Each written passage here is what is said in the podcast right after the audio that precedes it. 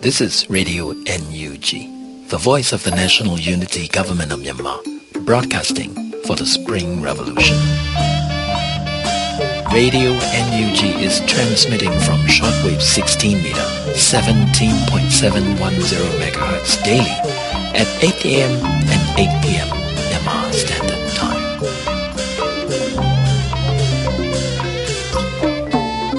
မင်္ဂလာပါခင်ဗျာအမျိုးသားညီညွတ်ရေးအစိုးရရဲ့အသံလွှင့်ဌာနကမြန်မာစံတော်ချိန်မနေ့၈နာရီတစ်ချိန်ည၈နာရီတစ်ချိန်လိုင်းလိုမီတာ16 19.8 MHz မှာနေ့စဉ်အသံလွှင့်ပေးနေပါပြီမြန်မာနိုင်ငံသူနိုင်ငံသားများမင်္ဂလာအပေါင်းနဲ့ပြည့်စုံကြပါစေခုချိန်ကစပြီး Radio NUG အစီအစဉ်လေးကိုဓာတ်ရိုက်အသံလွှင့်ပေးနေပါပြီ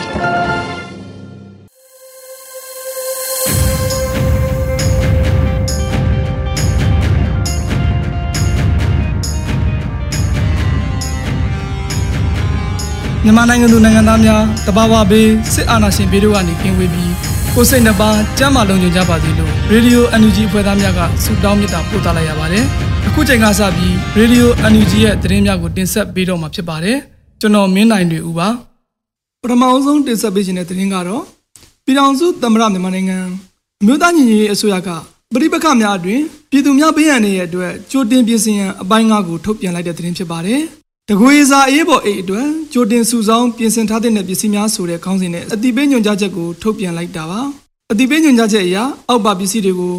အရေးပေါ်အိတ်ထဲမှာစုဆောင်းထားဖို့ဖြစ်ပါတယ်တောက်သုံးရည်မုံကြောက်ခောက်ဆွဲကြောက်အရေးပေါ်ဆေးဝါးများလက်တန့်စင်းနဲ့နှာခေါင်းစီနာရင်ပိတ်ဆို့စရာ ear plug ခွန်းစားသို့မဟုတ်ပတိလေချင်းနှပုံမအန်ရဲ့ကာဝယ်နိုင်မည့်လူစေးဖြန်းစေးများတခဲသို့မဟုတ်နေအောင်ကြီးဖြင့်သုံးနိုင်သောဓမီထီမိုးကာ စာကြည့်တိုင်းမီဖုန်းအာသွင်းချိုပါဝါဘန်ဖုန်းငွေဖြစ်ကအတွင်းကံအပါဝင်ပေါ်ပါလွတ်လပ်သည့်အဝတ်စားအချို့အမျိုးသမီးဖြစ်ပါကလာတင်သုံးပစ္စည်းစာချုပ်စာတမ်းနှင့်လိုင်စင်ကတ်တို့သောအရေးကြီးစာရွက်စာတမ်းများမပုံတင်ရင်မောင်းလိုင်စင်အိမ်တော်စုစရင်ငွေကြေးဗန်စာအုပ်နှင့်တန်ဖိုးကြီးပစ္စည်းများတ िश ူအစိုးအချောက်ဖျောင်းနိုင်မိချစ်ဓာကက်ကျေရေဒီယိုခရာတို့ဖြစ်ကြပါတယ်မြို့သားညီရေးအစိုးရအနေနဲ့ တဘာဝဘေးဒါမှမဟုတ်ပြိပခဘေးတို့အတွက်ပြည်သူတွေတည်တည်တည်တိုက်တဲ့ကြိုတင်ကာကွယ်ရေးလမ်းညွှန်ချက်တွေကိုထုတ်ပြန်ခဲ့တာအခုဆိုရင်အပိုင်း၅ခုရှိလာခဲ့ပါပြီဆက်လက်ပြီးပြည်ထောင်စုသမ္မတမြန်မာနိုင်ငံတော်အမျိုးသားညီညွတ်ရေးအစိုးရအဖွဲ့ယာယီသမ္မတကြီးဒူဝါလက်ရှိလာကတောင်ကိုရီးယားသမ္မတနိုင်ငံသမ္မတမွန်ချီအင်ထန်တို့တဝန်လာပေးပို့လိုက်တဲ့သတင်းကိုတင်ဆက်ပေးမှာဖြစ်ပါတယ်ပြည်ထောင်စုသမ္မတမြန်မာနိုင်ငံတော်အမျိုးသားညီညွတ်ရေးအစိုးရအဖွဲ့ယာယီသမ္မတကြီးဒူဝါလက်ရှိလာက တောင်ကိုရီးယားနိုင်ငံသမ္မတမွန်ချီအင်ထန်တို့ပြည်ခဲ့သည့်ဩဂုတ်လ28ရက်နေ့ကတဝန်လာပေးပို့ခဲ့တာဖြစ်ပါတယ်။အဆိုပါတဝန်လာမှာတောင်ကိုရီးယားနိုင်ငံအနေနဲ့မြန်မာပြည်သူတို့၏ဒီမိုကရေစီအရေးကြိုးပမ်းဆောင်ရွက်မှုများကိုထောက်ခံအားပေးသည့်အတွက်အထူးပင်ကျေးဇူးတင်ရှိပါကြောင်းနှင့်မြန်မာပြည်သူများလက်ရှိအချိန်တွင်ရင်ဆိုင်နေရသောအခက်အခဲများအကြောင်းရေးသားဖော်ပြထားပါတယ်။တောင်ကိုရီးယားနိုင်ငံအင်ပြာတော်ကမြန်မာဒီမိုကရေစီအရေးအတွက်အန်ဂျီအစိုးရအပါအဝင်သက်ဆိုင်သူတွေနဲ့ ပူးပေါင်းလှုပ်ဆောင်သွားမယ်လို့ပြီးခဲ့တဲ့အပတ်ကကြေညာချက်ထုတ်ပြန်ထားခဲ့ပါတယ်။ဆီယနာရှင်ပြုတ်ကြရေးအတွက် UDP 5 million challenge တွင်အင်တိုက်အားတိုက်ပါဝင်လူနှန်းခဲ့ကြတဲ့ပြည်တွင်းပြည်ပကအလူရှင်များအတွက်မြစ်တာတုတ်ပြန်လက်ဆောင်ပေးအပ်မယ်။ကန်ဆယ်မဲ့ဖောက်ပွဲကိုလာမယ့်စက်တင်ဘာလ9ရက်နေ့တနင်္ဂနွေနေ့ည9:00နာရီမှာကျင်းပသွားမယ်လို့ OFE ကဆိုပါတယ်။ဆရာကြီးဦးဝင်းဖေကိုမင်းကိုနိုင်နဲ့အစိုးရကြားပေါက်တို့ရဲ့အမှုပညာလက်ရာပကြီးကားများအပြင် ကဘာတဝမ်းမှာရှိကြတဲ့မြန်မာတွေရဲ့အမျက်တနိုးထားရှိတဲ့ပစ္စည်းတွေကိုရရရရောလူတန်းဖို့လာရောက်ကလန်းထားသူတွေအများကြီးရှိပါတယ်။ဒီထဲကမှအလင်းသင့်တယ်လို့ထပ်မံရွေးချယ်ထားတဲ့လက်ဆောင်ပစ္စည်းတွေကိုမဲထက်ဖောက်ပေးသွားမှာဖြစ်ပါတယ်။လက်ဆောင်တွေထဲမှာဝါရင်မင်းသားနာယကူညီမှုအသင်းရန်ကုန်ဤဥက္ကဋဥကျော်သူကိုယ်တိုင်ရေးဆွဲထားတဲ့ပကြီးကနွေဦးတော်လိုင်းအမတ်တရလက်ဆောင်များကိုဒီထွင်ရောင်းချပေးနေသောအပကုမှလူထမ်းထားသောနွေဦးတော်လိုင်းရေးလေဆွဲများပြည်သူ့ကုံကြီးအသင်း နယူးဇီလန်ဌာနခွဲမှာအလူရှင်တအုပ်လူရန်သောစိန်လက်စု MNSO JB ရဲ့အဖွဲ့ဝင်တအုပ်မှလူရန်သောမြန်မာနိုင်ငံမြေပုံရွှေလော့ကဩစတြေးလျမှာအလူရှင်တအုပ်လူရန်သောစစ်မြန်မာဟမ်မိတ်နာရီအစရှိတဲ့တော်လိုင်းရေးအတွက်အဖို့မပြတ်နိုင်တဲ့တုံ့ပြန်လက်ဆောင်အမတ်တရပစ္စည်းတွေဖြစ်ပါတယ်ဒီကဆမဖောက်ပွဲကိုရုပ်ရှင်တရုပ်ဆောင်ဒေါင်းနဲ့တရုပ်ဆောင်မြန်နိုအေးတို့ကဖေဗိုလာအစီအစဉ်အဖြစ်တင်ဆက်ပေးသွားမှာဖြစ်ပါတယ်ကန်ဆယ်မဲလက်မှတ်များနှိုက်ထုတ်ရွေးချယ်ပေးနိုင်ဖို့နိုင်ငံကျော်အစိုးရကြားပေါအားအထူးဧည့်သည်တော်အနေနဲ့ဖိတ်ကြားထားကြောင်းလည်းသိရပါတယ်။ ဒီဒီအစီအစဉ်ကိုစက်တင်ဘာလ9ရက်နေ့တနင်္ဂနွေနေ့ည9:00နာရီမှာ CRPH OFB ပေးမှာ live ထုတ်လွှင့်ပြသပေးသွားမယ်လို့လည်းသိရပါတယ်ခင်ဗျာ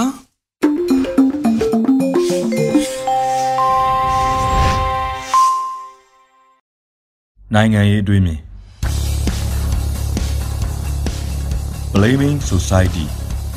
မြန်မာလူမျိုးနဲ့အယိုးဆွဲနေသောမကောင်းတဲ့အကျင့်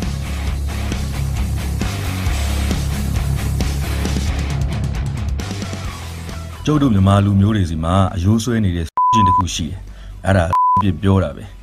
ပြစ်ပြောရတာအလွယ်ဆုံးအလုပ်ပဲကိုဘောလုံးအသင်းတွေဆိုရင်အမြဲအပြောခံရတယ်လက်ဝှေ့ပွဲလဲဒူဒူပါပဲတရေကြတော့လဲတရေကြလို့ခဏလေးနဲ့ပွဲသိမ်းသွားတော့လဲလှုပ်ပွဲဆိုပဲဘောလုံးအသင်းတွေလက်ဝှေ့သမားတွေကိုပြစ်ပြောတယ်ဆိုတာကတိတ်အကြောင်းတော့မဟုတ်သေးဘူးဗျဘာဖြစ်လို့လဲဆိုတော့ဘောလုံးအသင်းတွေဆိုတာကလည်းတေချာလေ့ကျင့်ထားကြပြီးမှပြိုင်ဆိုင်ကြပြီးတော့အနိုင်ကိုကြိုးစားရယူကြရတာမလား ဒီလိုကိစ္စမျိုးမှာကိုအားပေးတဲ့ဘက်ကအသုံးမကျလို့ရှုံးရင်ဆဲတာဆဲဟုတ်တယ်မလားလေ့ကျင့်မှုချင်းလဲတာရူညီမြရရှိထားတယ်လေဘက်လဲတူလို့ရှင်ပြိုင်ကြရတာပဲဒါကိုရှုံးနေဟေးဆိုရင်ကိုအသုံးမကျလို့ရှုံးရတာပဲဆိုတော့အသုံးမကျခြင်းရဲ့အကျိုးဆက်ကိုခံစားရတာပဲလို့ယူဆလို့ရတယ်အဲဒါပေမဲ့တချို့ကိစ္စတွေကြတော့ဒီလိုမဟုတ်ဘူးဗျဥပမာလူတစုကဒုတ်တွေဓာတ်တွေကင်ပြီးတော့အိမ်တစ်လုံးကိုမီးရှို့တယ်ဆိုကြပါစို့ ဒါအပြင်အဲ့ဒီအိမ်ကကလေးတယောက်ကိုလူအုပ်စုကြီးတစုကဒုတ်တွေဓာတ်တွေနဲ့အနိုင်ကျင့်ကြတာကိုကျန်တဲ့ရက်ကွက်ထဲရသူတွေကဘေးကနေရက်ကြည့်ပြီးတော့ဟာဒီကလေးကလည်းညံ့လိုက်တာကွာပြန်ချလေကွာဟွန်းနဲတော့နဲသေးတယ်ခံရမှာပေါ့မိလာရှို့မယ်ဆိုတာကြိုမသိဘူးလားတို့ကြိုတင်ပြင်ဆင်ထားလေတို့အဲအစရှိသဖြင့်ဝိုင်းပြီးတော့ဆဲနေကြရင်းနဲ့ပဲဒုတ်တွေဓာတ်တွေနဲ့လူအုပ်ကြီးကိုမလုပ်ပါနဲ့လို့ဝိုင်းအောင်ကြမယ်ပေါ့ဒါကိုဟိုလူအုပ်ကြီးကအော်တဲ့သူတားတဲ့သူတွေကိုရဲရဲဆက်ဆက်တတ်ဖြတ်ပြလိုက်မယ်ဆိုပါစို့ ကလေးရဲ့အိမ်ကိုရှို့တဲ့မိရဲ့ရက်ွက်တွေကတခြားအိမ်တွေကိုပါမိကူးလာတော့ရက်ွက်သူရက်ွက်သားတွေကမဖြစ်ချီတော့ဘူးဆိုပြီးသူတို့လည်းဒုတ်တွေဓာတ်တွေလက်နက်တွေကင်ပြီးတော့ပြန်ခံချဖို့လောက်ကြပါပြီဆိုပါစို့ဒီလိုလုံနေရင်းနဲ့လေကလေးကိုပြစ်တင်တဲ့ကောင်ကတင်းနေတော့မယ်ဒီကလေးကြောင့်ဖြစ်ရတာတို့ဒီလူအုပ်ကြီးကမီးလာရှို့မှာကိုကြုံမသိဘူးလားဒီကလေးကဘာမှမစီစဉ်ထားဘူးလားပေါ့ဒါကလွဲမားတဲ့ပြစ်ပြောခြင်းတစ်မျိုးပေါ့ဗျာတကယ်ဆိုရင်မီးလာရှို့တဲ့လူအုပ်ကသာတရခန့်အစ်စ်ပါ ဒီလူအုပ်ကိုအပြစ်တင်ရမှာမဟုတ်ဘူးလားဘက်နဲ့ကလေးကိုအပြစ်ပြောနေကြရတာတော့နောက်တစ်မျိုးကတော့ရက်ွက်သေးရဒုတ်တာလက်နဲ့ရှာပြီးတော့ဒီလူအုပ်ကြီးကိုနိုင်တယ်လို့ပြန်တီးကြမယ်ဆိုတဲ့သူတွေတဲမှာမှမိမတွေရောကလေးတွေရောလူကြီးတွေရောပါကြတယ်ပေါ့ဒီတော့တချို့လူတွေကိုတခြားရက်ွက်ကိုလှုပ်ပြီးတော့အကူအညီတောင်းတဲ့နံတောင်းခိုင်းကြရပါတယ်ဒါကိုရက်ွက်ထဲမှာကြံနေခဲ့တဲ့အခြားသူတွေကငါအိမ်ကသားလေးကတော့ဒုတ်ရှာပြီးသွားရိုက်နေတယ်ဟမ်ကြည့်ပါဦး ဟိုဘက်အိမ်ကနာတာရှိအဖိုးကြီးကတော့တခြားရက်ွက်ကိုရောက်သွားပြီးတဲ့လေဆိုပြီးတော့ပြောကြတာမျိုးအဲတလန်းကျော်ကဟိုကောင်မကလည်းတခြားရက်ွက်မှာသွားပြီးတော့အလှူတွေခံနေတယ်ကြည့်ကြပါဦးဆိုလိုတာကမီးရှို့တဲ့သူကတယောက်ပါကလေးမှလည်းအပြစ်မရှိဘူးတခြားရက်ွက်ကိုသွားပြီးတော့အကူကြီးတောင်းတဲ့သူတွေအလှခံပေးနေတဲ့သူတွေမှလည်းအပြစ်မရှိဘူးရက်ွက်ထဲမှာကြံနေခဲ့ပြီးတော့မီးကိုကြိုးစားပန်းသားညှိမ့်ပေးနေတဲ့သူတွေပစ္စည်းတွေကူတယ်ရွှေ့ပေးနေတဲ့သူတွေအကြမ်းဖက်နေတဲ့လူအုပ်ကြီးကို ရရလက်နက်နဲ့ပြန်ချမယ်ဆိုတဲ့သူတွေအားလုံးအားလုံးကအပြစ်မရှိပါဘူးဗျာတကယ်အပြစ်ရှိတာကမီးလာရှုအကြမ်းဖက်တဲ့လူအုပ်ကြီးပါပဲနောက်တစ်ခုကတော့အဖွဲ့အစည်းတစ်ခုကိုတီထောင်တဲ့အခါမှာအောင်မြင်တဲ့အဖွဲ့အစည်းတစ်ခုဖြစ်အောင်လို့အပြုသဘောဆောင်ပြီးအကောင်းမြင်တဲ့သူတွေများမှအဲ့ဒီအဖွဲ့အစည်းကဖြစ်မြောက်အောင်မြင်မှာပါအဲ့လိုမဟုတ်ဘဲနဲ့အဖွဲ့အစည်းထဲမှာအမြဲတမ်းညှင်းညူပြီးတော့အပြစ်ပဲမြင်အစိုးပဲမြင်နေတတ်တဲ့သူတွေလည်းပါတတ်ပါတယ်ပါတတ်ရုံနဲ့မကပါဘူးအမြဲတမ်းပါလေးရှိပါတယ်ဥပမာဘောလုံးအသင်းဆိုကြပါစို့ ကံမနီပါနဲ့ကွာရှုံးပါပဲလေသာကျင့်နေရတယ်စားရတော့ဘဲဥပြုံးနဲ့နိုင်ငံအသင်းသားပြောတဲ့နေရတဲ့နေရာကစုပ်ပြတ်နေတာပဲတို့ဘယ်လိုသွားပြီးလေ့ကျင့်ပြီးဘယ်လိုနိုင်မှာလဲတို့မကောင်းခြင်းအပြစ်တွေကြီးပဲမြင်ပြီးတော့အစိုးဘက်ကကြီးပဲပြောတက်လေရှိတဲ့ကောင်တွေအများကြီးရှိပါတယ်အဲ့လိုလူမျိုးကတယောက်နှစ်ယောက်ဆိုရင်တိတ်အများကြီးပြဿနာမရှိပေမဲ့အဲ့လိုလူမျိုးတွေရဲ့အနောက်ကိုတန်ရောင်လိုက်ပြီးတော့အစိုးမြင်တဲ့သူတွေများလာပြီဆိုရင်တော့တွားပြီးအဲ့ဒီအဖွဲ့အစည်းကတွားပြီးလို့သာမှတ်လိုက်ပြီးတော့ဒီတော့ ဒါမျိုးတွေကိုလည်းအတက်နိုင်ဆုံးဥပက္ခပြုနိုင်ကြမယ်ဗျရရလက်နက်နဲ့ပြန်ချမဲ့သူတွေထဲမှာလေဟိုဘက်ကလက်နက်ကသိတ်ကောင်းတယ်ဒီဘက်လမ်းအကောင်တွေကအလူငွေမရလို့ဒုက္ခတွေရောက်ပြီးတော့မလေးချင်းကြတာဦးကြားတယ်အဲဟိုတလန်းကျော်ကအဖွဲတွေကလည်းကွဲကြပြီလေကွာငါတို့ကလည်းဘယ်သူမှလာမကူညီကြဘူးငါတို့ကလည်းအိမ်ကရှိရလေးထုတ်ရောင်းပြီးလုံနေကြရတာပဲဒါမျိုးတွေပေါ့လေအမျိုးမျိုးစိတ်ပြက်စရာတွေအားလုံးကိုပဲတွေးတောပြီးတော့အပြစ်တွေမြင်အခြားလူတွေပါစိတ်တက်ကြအောင်လုပ်တတ်ကြတာမျိုးပါအေးသူတို့အားလုံးမေ့နေကြတာက အချင်းချင်းအပြစ်တွေတင်အပြစ်တွေပြောနေရင်းနဲ့ဟိုဘက်ကလူအုပ်ကြီးကြောင့်သူတို့တရက်ကွက်လုံးမီးလုံပြကြတော့မယ်ဆိုတာကိုသတိမေ့နေကြတာပါငါအဲ့ဒီမှာနောက်တစ်မျိုးရှိသေးတယ်ငါတို့ကဒါလည်းမမေ့ဘူးပြောတာလည်းပြောရမှာပဲအပြစ်တင်တာလည်းတင်ရမှာပဲဆိုတဲ့သူတွေကလည်းရှိသေးတယ်အဲ့ဒါမျိုးကြတော့လေခုနကပြောသလိုပေါ့အစိုးရကိုပြင်ဆင်ကြနိုင်မှုအပြုသဘောဆောင်တာတွေပဲပြောကြရင်လည်းလောက်ကြမှာမဟုတ်ဘူးလားအပြုသဘောဆောင်တာတွေကိုပဲလောက်ကြရမှာဟုတ်တယ်မလားတခြားရေးမဟုတ်ဘူးလေဗျာ ကိုအိမ်မီးတဲ့ပါသွားမယ်အရေးအိမ်ရက်ကွက်ဟိုတနိုင်ငံလုံးမီးတဲ့ပါသွားမယ်အရေးမျိုးလေဗျာဒီတော့တတိချက်ကြပါအသိရှိကြပါတတိရှိကြပါလက်နက်အားကိုးနဲ့မဒိန်ချင်းခံရတဲ့တားကောင်ဘက်ကနေပြန်ကူညီနေတဲ့လူတွေကိုဘလိမ့်မလုပ်ဘဲနဲ့အပြစ်မတင်ဘဲနဲ့အချင်းချင်းအပြစ်တင်ချင်းတစုံတရာမရှိကြပါသေးနဲ့စိတ်ဝမ်းကွဲပြားမှုရဲ့အကျိုးဆက်ကရက်ကွက်အိမ်မီအကုန်လုံးမီးတဲ့ပါသွားတာနဲ့အဆုံးသက်သွားနိုင်တယ်ဆိုတာကိုအမြဲအမှတ်ရထားပေးကြပါလို့အပြစ်ပဲမြင်အပြစ်ပဲပြောတတ်တဲ့ ဗလိမာဆရာကြီးဂိုင်းတို့ရွှေညမာအပေါင်းတို့ကိုတိုက်တွန်းလိုက်ရပါတယ်ကျွန်တော်ຫນွေလင်းဟန်ပါ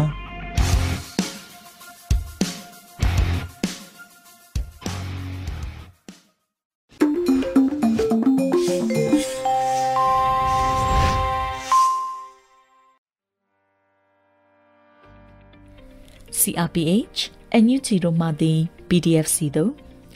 CRPH နဲ့ NUG ဆိုတာဒီကာလတွေမှာ ကျမတို့ပြည်သူတွေကြားထဲအင်မတန်ရင်းနှီးနေတဲ့အတူကောက် acronym စာလုံးလေးတွေပါအာနာရှင်ကိုစန့်ကျင်တဲ့ဆန္ဒပြပွဲတွေမှာ keyboard fighter တွေရဲ့ wall တွေမှာသတင်းမီဒီယာပေါ်မှာမပါမဖြစ်နာမည်လေးတွေဖြစ်ခဲ့တယ်အခု PDF ဆိုတဲ့အတူကောက်နာမည်လေးတစ်ခုပြည်သူကြားထဲရောက်လာပြန်ပါပြီ။ပြည်သူတွေမျှော်လင့်နေတဲ့ပြည်သူ့ကာကွယ်ရေးတပ်မတော် People's Defense Force ဖြစ်ပြီးအတူကောက်ခေါ်ရင်တော့ PDF ပေါ့။ ပြည်ထောင်စုလွှတ်တော်ကိုစားပြုကော်မတီ CRPH နဲ့အမျိုးသားညီညွတ်ရေးအစိုးရ NUG တို့ကတော့သူတို့သက်ဆိုင်ရာတာဝန်တွေကိုချိုးချိုးဆဆနဲ့မှတ်မှန်ထမ်းဆောင်နေကြတယ်။သဆင့်ချင်းသွားနေကြတာခီးတော့အတော်ရောက်ပြီ။အာနာယူရီလန်အောင်မှာနေ့စဉ်စိတ်ဒုက္ခတွေရောက်နေရတဲ့ကျမတို့ပြည်သူတွေကတော့စိတ်แท้တိတ်ပဝင်မကြပဲတိထက်ပူလင်းလင်းမြဲမြဲဖြစ်စေခြင်းခဲ့တယ်။ ဒါပေမဲ့လည်းတချို့ကိစ္စတွေဟာဒီလိုအခြေအနေမျိုးမှာနေ့စဉ်ချပြလို့ရတာတွေမဟုတ်တာကြောင့် CRPH ဆောင်ရွက်နေသမျှပြည်သူတွေကအကုန်မသိခဲ့ရဘူး။ဒါကြောင့်အားမလို့အားမရဖြစ်ခဲ့ရတာတွေလည်းရှိတယ်။ဒါအပြင်နှစ်ပေါင်း80နီးပါးအမြင့်တွယ်လာခဲ့တဲ့ကိစ္စရပ်တွေအပေါ်ညှိနှိုင်းဆွေးနွေးနေရတာတွေကလည်းမလွယ်ကူနိုင်ခဲ့ပဲသက်ဆိုင်ရာအဖွဲ့အစည်းအသီးသီးနဲ့အချိန်ပေါင်းများစွာတွေ့ဆုံပြီးယုံကြည်မှုတွေတည်ဆောက်ရရရဲ့ကြောင့် ထင်သလောက်မမြန်နိုင်တာမျိုးပြန်ကြားသိရတယ်။တကယ်တော့လဲ February လ9ရက်နေ့မှာရွေးကောက်ခံပြည်ထောင်စုလွှတ်တော်ကိုယ်စားလှယ်300ကျော်တက်ရောက်ပြီးပြည်ထောင်စုလွှတ်တော်ကိုယ်စားလှယ်15ဦးနဲ့အခက်အခဲကြားကအစတင်ဖွဲ့စည်းလိုက်တဲ့ပြည်ထောင်စုလွှတ်တော်ကိုစားပြုကော်မတီ CRPH ဟာခီးအတော်ပေါက်ခဲ့တယ်လို့ဆိုရမှာပါစတင်ဖွဲ့စည်းစဉ်က အမျိုးသားဒီမိုကရေစီအဖွဲ့ချုပ် NLD ကအနိုင်ရလွှတ်တော်ကိုယ်စားလှယ်တွေနဲ့ပဲဖွဲ့စည်းနိုင်ခဲ့ပေမယ့်နောက်9ရက်အကြာ February လ10ရက်နေ့မှာတော့နောက်ထပ်ကယားပြည်နယ်နဲ့ရှမ်းပြည်နယ်ကတိုင်းရင်းသားကိုယ်စားလှယ်2ဦးထပ်မံပါဝင်လာနိုင်အောင်ဆောင်ရွက်နိုင်ခဲ့ပြီးပြင်းရင်လွှာရင်နဲ့ပဲတလနီးပါအကြာ March လ2ရက်နေ့မှာခိတပြည်တော်စုဝင်ကြီး၄ဦးခန့်အပ်တာဝန်ပေးပြီးထိထိရောက်ရောက်ဆောင်ရွက်လာနိုင်ခဲ့တာတွေ့ရပါတယ်။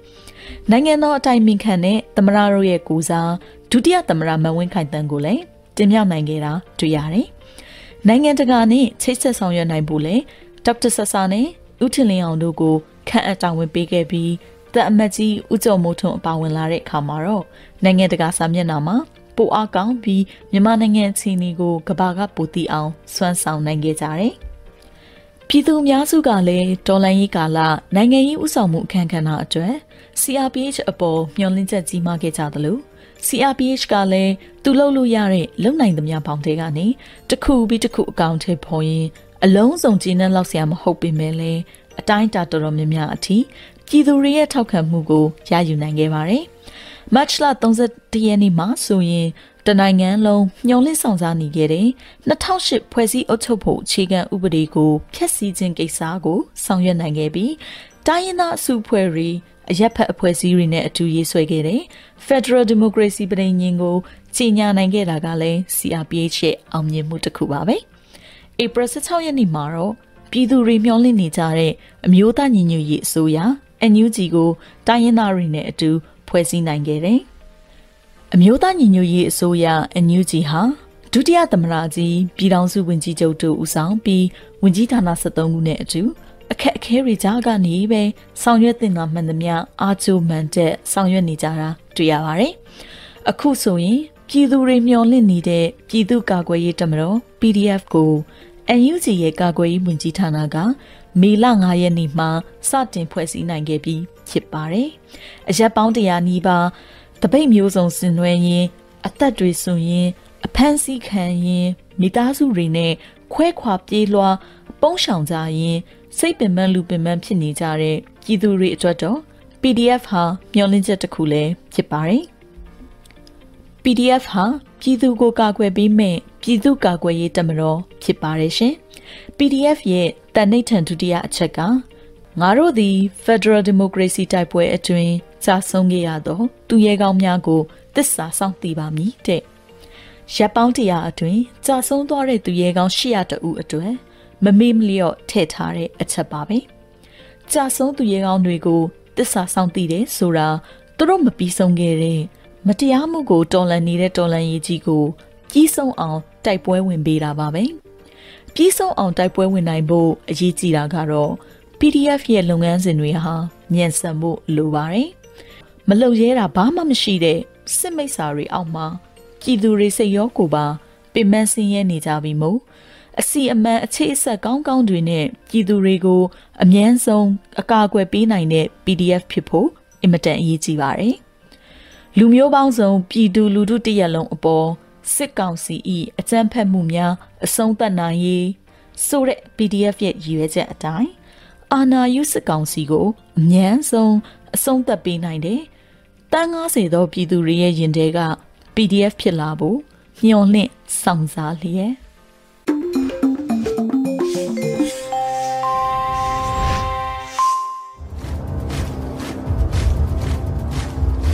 စစ်ကိုပြင်ကြတယောက်တအားဖြစ်မှပျောက်ကြားစစ်ပြီးသားမယ်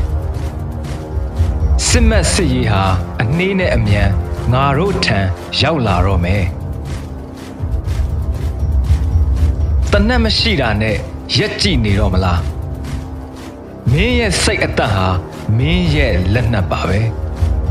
ငါတို့စိတ်နဲ့တိုက်ပွဲခေါ်ခဲ့သလို တော်လန်ရေးကိုလည်းငါတို့စိတ်နဲ့အဆုံးသတ်ပေးရမယ်ငါတို့လမ်းကိုငါတို့ပိုင်တယ်ငါတို့နယ်ဟာငါတို့နဲ့ဆိုင်တယ်ငါတို့နယ်ကိုငါတို့သိမ့်မယ်ငါတို့မြို့ကိုငါတို့သိမ့်မယ်နောက်ဆုံးမှာငါတို့နိုင်ငံတော်ကိုငါတို့ပြန်သိမ်းကြမယ်တောင်းသွေး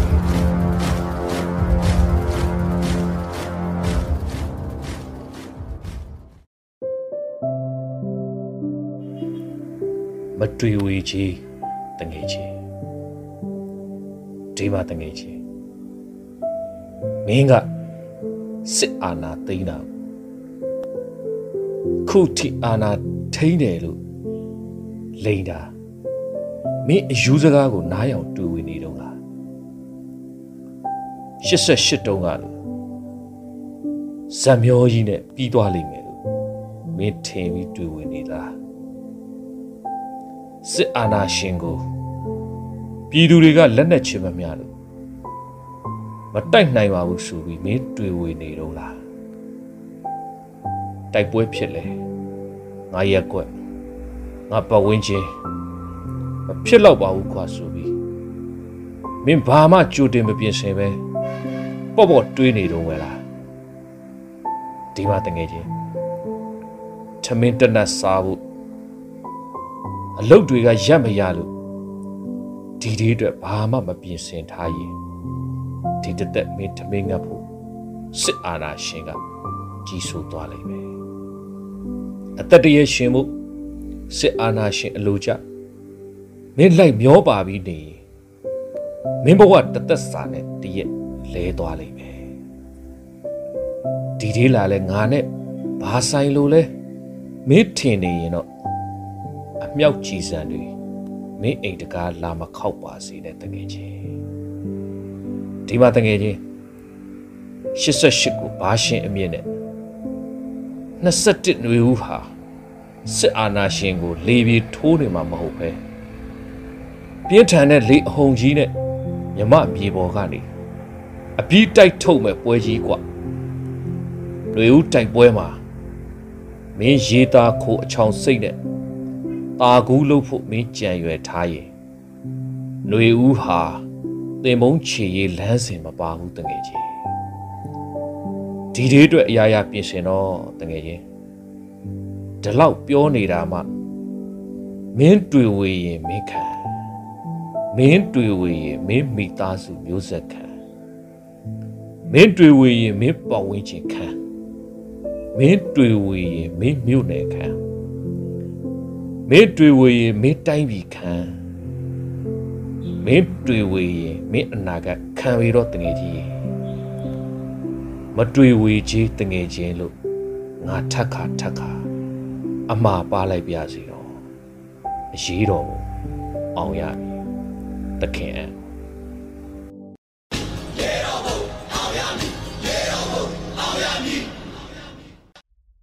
အားလုံးပဲမင်္ဂလာပါ ကျွန်တော်တို့ဒီနေ့ပြောမယ့်အကြောင်းအရာကတော့ဒီလူအများထိခိုက်ဒဏ်ရာရရှိတဲ့အချိန်မှာကျွန်တော်တို့ဒဏ်ရာပြင်းထန်မှုအဆင့်ခွဲခြားခြင်းဖြစ်ပါတယ်အဲ့တော့ဒီလိုလူအများထိခိုက်ဒဏ်ရာရရှိတဲ့အချိန်မှာကျွန်တော်တို့ဟာအရေးကြီးတဲ့လူနာတွေကိုအမြန်ဆုံးကုသပေးနိုင်ဖို့အတွက်ခွဲခြားပြီးဆက်ထုတ်ပေးဖို့လိုပါတယ်ကျွန်တော်တို့ဒီလိုလုပ်တဲ့အရာမှာအရေးကြီးတဲ့လူနာတွေနဲ့ပတ်သက်ပြီးတော့အယောင်ခွဲခြားမှု၄ယောင်ရှိပါတယ်ပထမဦးဆုံးအယောင်ကတော့အနီရောင်ဖြစ်ပါတယ်အနီရောင်ဆိုတာကတော့မိနစ်ပိုင်းအတွင်းမှာကုသမှုမရရှိတဲ့လူနာဟာ ဆိုရင်မိနစ်ပိုင်းမှာကုသမှုမရှိဘူးဆိုရင်သေဆုံးမဲ့လူနာဖြစ်ပါတယ်ဒုတိယလူနာကတော့အဝါရောင်ဖြစ်ပါတယ်နာရီပိုင်းအတွင်းမှာကုသမှုမရရှိဘူးဆိုရင်ဒီလူနာသေဆုံးနိုင်ပါတယ်တတိယလူနာကတော့အစိမ်းရောင်ဖြစ်ပါတယ်အသက်အန္တရာယ်ချက်ချင်းမရှိတော့လဲစင်းတကြဆေးကုသမှုရှိရန်လိုအပ်တဲ့လူနာမျိုးဖြစ်ပါတယ်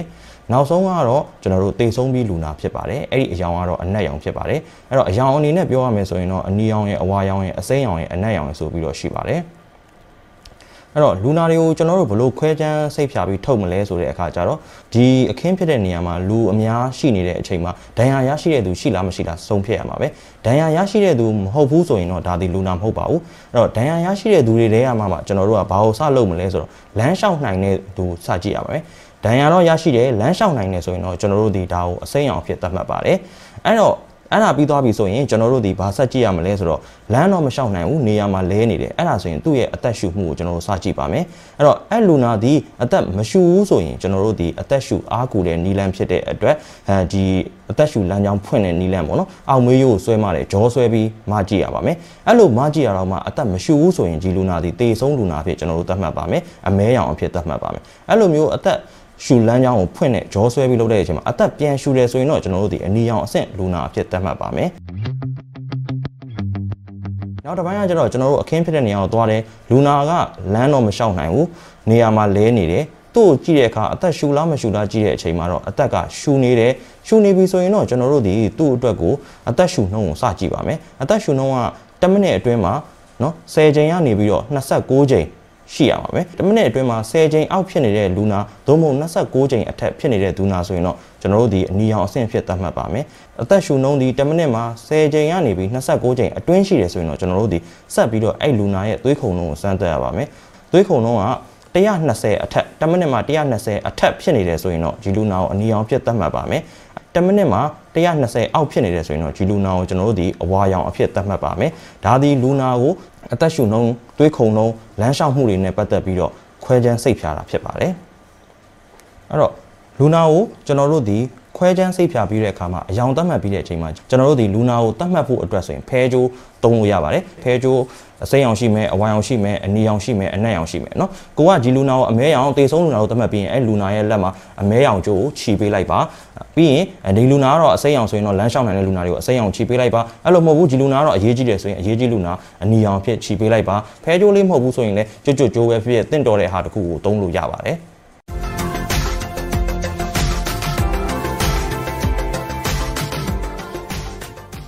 ယခုဆက်လက်ပြီး NUG အမျိုးသားညီညွတ်ရေးအစိုးရဝန်ကြီးချုပ်မန်းဝင်းခိုင်တန်း၏ရှစ်လေးလုံးအရေးတော်ပုံ33နှစ်ပြည့်မိန့်ခွန်းကိုနားဆင်ရမှာဖြစ်ပါတယ်လေးစားရတဲ့နိုင်ငံတကာရောက်မြန်မာနိုင်ငံသူနိုင်ငံသားများနဲ့ဒီမိုကရေစီရှစ်မြတ်နိုးသူမိတ်ဆွေများအားလုံးမင်္ဂလာပါခင်ဗျာဒီကနေ့ဟာအာနာရှင်လို့မရှိဒီမိုကရေစီရရှိရေးတို့ရေးဆိုတဲ့ကြွေးကြော်သံတွေ ဘဝညံခဲ့တဲ့မြန်မာနိုင်ငံရှစ်လေးလုံးလူမှုအရေးတော်ပုံကြီး33နှစ်ပြည့်နှစ်ပတ်လည်နေ့ဖြစ်ပါတယ်ရှစ်လေးလုံးအရေးတော်ပုံကြီးဟာဒီမိုကရေစီကိုသာလိုချင်တယ်ဒီမိုကရေစီအုတ်မြင့်ခိုင်မာမှဖြစ်မယ်အာဏာရှင်စနစ်ကိုဆန့်ကျင်တော်လှန်ရမယ်ဆိုတဲ့ကြွေးကြော်သံတွေနဲ့ကျောင်းသားလူငယ်တွေတတ်သိပညာရှင်တွေအလုသမားလယ်သမားတွေခေါင်းရွက်ဖြတ်ထိုးဈေးတွေတွေ နိုင်ငံအဝန်းမှာရှိတဲ့တောင်ပေါ်မြေပြန့်ကတိုင်းရင်းသားလူမျိုးစုများအားလုံးပါဝင်ခဲ့တဲ့လူမှုအုံကြွမှုကြီးဖြစ်ပါတယ်အသက်ပေါင်းများစွာကိုစရေးခဲ့ဆရာနာရှင်တို့ရဲ့ပြစ်ခတ်တပ်ဖြတ်ညှဉ်းပန်းနှိပ်စက်ဖမ်းဆီးထောင်ချမှုတွေကို လူမှုတရားလုံးရင်ကော့ခံတိုက်ပွဲဝင်ခဲ့ကြတဲ့ကြီးမြတ်တဲ့အရေးတော်ပုံကြီးလည်းဖြစ်ပါတယ်ဒီမိုကရေစီကိုသာလိုချင်တယ်ဆရာနာရှင်စနစ်ကို ခါသီဆန့်ကျင်တယ်ဆိုတဲ့ယုံကြည်မှုတွေမြန်မာနိုင်ငံသားတို့ရင်ထဲအသေးထဲမှာဒုတေကြီးမားစွာ ဖြစ်တည်သွားစေဖို့အပြင်းထန်ဆုံးလှုံ့ဆော်ခဲ့တဲ့လူမှုအုံကြွမှုကြီးဆိုရင် မမှားနိုင်ပါဘူးဒီရုပ်ပုံကြီးဟာလူမှုမျှော်မှန်းခဲ့တဲ့ပန်းနိုင်ထိအောင်မြင်ပြီးဆုံးအောင်မရောက်ခဲ့ပေမဲ့ဒီမိုကရေစီလမ်းကြောင်းပေါ်ကိုတော့အသေးချာရက်တည်နိုင်ခဲ့ပါတယ်မြန်မာနိုင်ငံသမိုင်းမှာ အလွန်အရေးကြီးတဲ့အလွန်လဲတန်မိုးကြီးတဲ့မှတ်တိုင်တွေရှိပါတယ်1920ကျောင်းသားတပိတ်1930ဆရာစံတောင်လူသည်သမားများအရေးတော်ပုံ1936ကိုနုကွန်ဆန်းတို့ရဲ့ကျောင်းသားတပိတ်1938 1300ပြည်အရေးတော်ပုံစတာတွေဟာလွတ်လပ်ရေးရတဲ့အထိတခါတည်းဆောင်ကျင်းနိုင်တာမဟုတ်ပေမဲ့လွတ်လပ်ရေးရဖို့အတွက်အရေးပါတဲ့အချိုးအကွေ့တွေ လှေကားတဲ့တွေပါ1960နှစ်7 July တိုက်ပွဲ1984ဥတန်ရေးခင်1985အလုသမားနှစ်ပတ်လည်ရေးခင်1986မှိုင်းရာပြည်တိုက်ပွဲတွေ1988ဖုံးမော်ရေးခင်နဲ့ရှစ်လေးလုံးအရေးတော်ပုံ1996ကျောင်းသားလှုပ်ရှားမှု2009ရွှေဝါရောင်တော်လှန်ရေးစရာတွေဟာလည်းစစ်အာဏာရှင်စနစ်ဆန့်ကျင်တော်လှန်ရေးတွေအရေးပါတဲ့ တန်ဖိုးမဖြတ်နိုင်တဲ့လေကတစ်တွေဖြစ်ပါတယ်အခုချိန်မှာတိုင်းရင်းသားအလုံးလူထုတရက်လုံးဒန်းတူညီမျှတဲ့ဒီမိုကရေစီအခွင့်အရေးရရှိနိုင်ဖို့အာဏာရှင်တွေကိုခေတ်ဆက်ဆက်ဆန့်ကျင်တော်လှန်ခဲ့တဲ့ကျွန်တော်တို့တွေဟာမြန်မာနိုင်ငံအတွင်းမှာအမြင့်တွယ်နေတဲ့စစ်အာဏာရှင်စနစ်ကို အမြင့်ဖြတ်ချေမုံးမဲ့လေကတစ်တွေကိုတဆင့်ပြီးတဆင့်တက်ရင်နောက်ဆုံးအဆင့်ကို ရောက်လာနေပြီဖြစ်ပါတယ်။ဆရာနာရှင်စနစ်ဟာ 1958မှာကတည်းကစလို့စစ်ဘောင်ကိုချဲ့ထွယ်လာလိုက်တာယခုခါမှာဘလောက်တောင်ဆိုးရရုပ်ညံ့တဲ့စစ်တပ်ဖြစ်နေပြီလဲဆိုတာတကဘာလုံးကသိမြင်အော့နှလုံးနာနေကြပါပြီ။စစ်အာဏာရှင်တွေဟာ မတော်လောဘတွေကြီးထွားအာဃာတတွေကြီးထွားရက်စက်ကြမ်းကြုတ်မှုတွေကြီးထွားလာသလောက်တစားတစားနဲ့အသိဉာဏ်ကင်းမဲ့တဲ့အခြေအနေဖြစ်နေပါပြီ။တခြားတစ်ဖက်မှာ မြန်မာလူထုဟာရှစ်လေးလုံးလူထုအရေးတော်ပုံကြီးကထုစစ်ပေးလိုက်တဲ့ယုံကြည်မှုတွေနဲ့စစ်အာဏာရှင်စနစ်ကိုအမြင့်ဖြတ်မြေမြုပ်တကြိုမဲဆိုတဲ့စိတ်ပိုင်းဖြတ်မှုဟာအကြီးမားဆုံးအကြီးကျယ်ဆုံးအချိန်ကို ရောက်နေပါပြီ။တောင်ပေါ်မြေပြတ်တိုင်းရင်းသားအားလုံးဟာဘာကိုမဆိုရင်ဆိုင်မယ်ဒီချိန်မှာတော့စစ်အာဏာရှင်စနစ်ကို အပြည့်သက်ချေမုံမယ်ဆိုတဲ့ခိုင်မာပြတ်သားတဲ့စိတ်ဓာတ်တွေနဲ့အရာရာကို ရင်ဆိုင်မှုအသင့်ဖြစ်နေကြပါပြီဒီမိုကရေစီကိုချစ်မြတ်နိုးသူအပေါင်းတို့ခင်ဗျာရှစ်လေးလုံးအရေးတော်မူကြီးရဲ့မပြည့်ပြတ်သေးတဲ့အဆုံးတိုက်တိုက်ပွဲကို ရေကုန်ရေခမ်းဆင်နွှဲကြမယ်ဆိုတဲ့တန်တိတ်ထန်တဲ့ဆေအာနာရှင်စနစ်ကို အမြင့်ဖြတ်အပြီးတိုက်ကြပါစို့ဒိုင်းသားညီကိုတွေအားလုံးညီညီညွတ်ညွတ်နဲ့ Federal Democracy နိုင်ငံထူထောင်ကြပါစို့လို့ပြောကြရင်နှိကုံချုပ်ပါတယ် အရေးတော်ပုံမုတ်ချအောင်ရမည်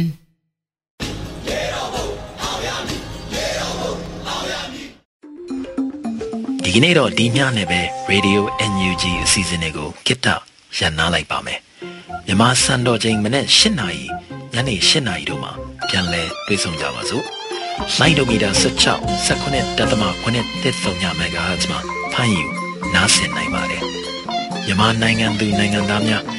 ကိုယ်စိတ်နှပြချမ်းမာချမ်းသာလို့ဘေးကင်းလုံခြုံကြပါစေလို့ Radio NUG အဖွဲ့သူအဖွဲ့သားများဆုတောင်းပေးလိုက်ပါတယ်။အမျိုးသားညီညွတ်ရေးအစိုးရရဲ့ဆက်သွယ်ရေးသတင်းအချက်အလက်နဲ့ဤပညာဝန်ကြီးဌာနကထုတ်လွှင့်နေတဲ့ Radio NUG ဖြစ်ပါတယ်။ San Francisco Bay Area ခြေဆိုင်မြန်မာမိသားစုများနဲ့နိုင်ငံတကာကစေတနာရှင်များလုံအားပေးများရဲ့ Radio NUG